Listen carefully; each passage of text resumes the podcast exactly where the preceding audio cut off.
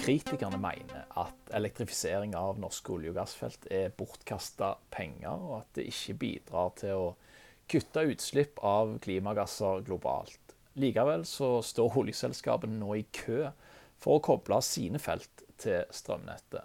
Hva er det egentlig som skjer? Dette er en podkast av Energi24. Mitt navn er Glenn Stangeland, og jeg dekker bl.a. leiding og feltutvikling på norsk sokkel. Det er flere forklaringer på at dette markedet er i ferd med å ta av akkurat nå.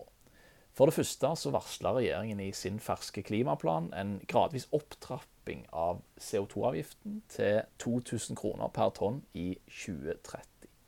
I dag ligger prisen på rundt 800 kroner, og det betyr altså en mer enn dobling de neste ti årene.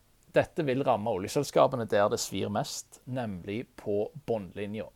Og dermed er òg viljen til å gjøre investeringer for å få ned utslippene større enn den har vært tidligere.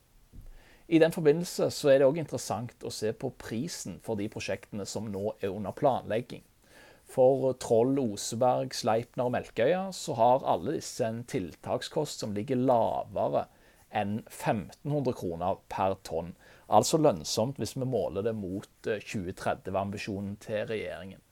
Mens f.eks. Yme-utbyggingen til Repsol viser at kraft fra land vil gi en kostnad på 8000 kroner per tonn, ergo ikke lønnsomt.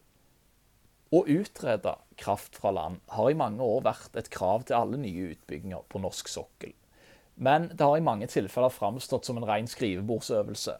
Nå er dette i ferd med å endre seg. NVE venter i hvert fall at det blir levert konsesjonssøknader for begge de store utbyggingsprosjektene som er nært forestående, altså Noraka i Nordsjøen og Wisting i Barentshavet. Samtidig så har de midlertidige skatteendringene gitt selskapene hastverk. De som har planer om å elektrifisere sine felt, vil oppleve at det blir betydelig dyrere hvis de venter til etter 2022 med å levere en ny eller oppdatert plan for prosjektet. Det har bl.a. ført til at Vår Energi, i hvert fall ifølge Energiteknikk og Upstream, revurderer muligheten for å knytte Balder-Ringhornet til strømnettet. Til tross for at tiltakskosten her ble beregna til 3000 kroner per tonn for bare kort tid siden. De fleste oljeselskapene på norsk sokkel har òg en ambisjon om å bli såkalt karbonnøytrale. I de fleste tilfellene så betyr det at de vil produsere oljen og gassen uten utslipp, eller med kompenserende tiltak som gjør at totalen blir lik null. De fleste gjør altså det samme regnestykket som i de nasjonale klimaregnskapene. De tar ikke med utslipp knytta til forbruket av olje og gassen. Disse ambisjonene henger selvsagt sammen med forventninger om økt pris, som vi har snakket om tidligere, men det handler òg om legitimitet for kjernevirksomheten deres.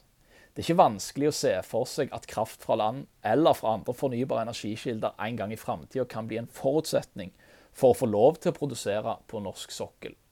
Litt tabloid sagt så kan vi vel si at norske oljeselskaper kjøper seg verdens reneste produksjon, og at dette trolig vil være med på å forlenge livet til industrien i mange, mange år. I Energi24-database så har vi samla alle pågående og planlagte elektrifiseringsprosjekter. Og som abonnent så får du oversikt og muligheten til å dykke ned i detaljene i hvert enkelt prosjekt. Totalt er det nå 14 prosjekter på den lista. Det omfatter bl.a. de pågående, som Johan Sverdrup, Sleipner og Oseberg. Eh, prosjekter som er nært forestående, som Draugen og Melkøya, og mer ambisiøse Eh, områdeprosjekter som Serene og Eastern Throw. Eh, beklager uttalelsen av dette. Men dette er jo åpenbart et spesielt prosjekt, for her ønsker BP å bruke norsk kraft fra Agder-området til å elektrifisere et av sine britiske felt. Riktignok så åpner de opp for at norske felt kan koble seg på, men personlig så ser jeg det vanskelig at et sånt prosjekt skal fly. Uansett om du er enig eller uenig i tiltaket og effekten av det. For leverandørindustrien så betyr elektrifisering nye forretningsmuligheter. I forrige uke så var det Aker Solutions som sikra seg en gigantkontrakt for modifikasjoner på Troll når B- og C-plattformen skal få strømkabel. På Johan Sverdrup så var det ABB som leverte innmaten i omformeranleggene, mens Able bygga anlegget på land. Offshore-modulen var en del av bygging av stigerørsplattformen, som ble prosjektert av Aker Solutions og bygget av Samsung. Dette er noen eksempler som illustrerer hva type leverandører som vil kunne sikre seg en andel av den økte aktiviteten som kommer eh, som en følge av disse prosjektene. Hvis du har behov for en oppdatert oversikt over kommende prosjekter på norsk sokkel, så bør du prøve et abonnement på Energi24-database. Her har vi samla kommende leitebrønner, feltutbygginger, elektrifiserings- og dekom-prosjekter. I tillegg så følger vi riggmarkedet tett og gir deg muligheten til å søke i samtlige uønska hendelser på norsk sokkel de siste fire årene. Med det så setter vi punktum for dagens pod. På gjensyn.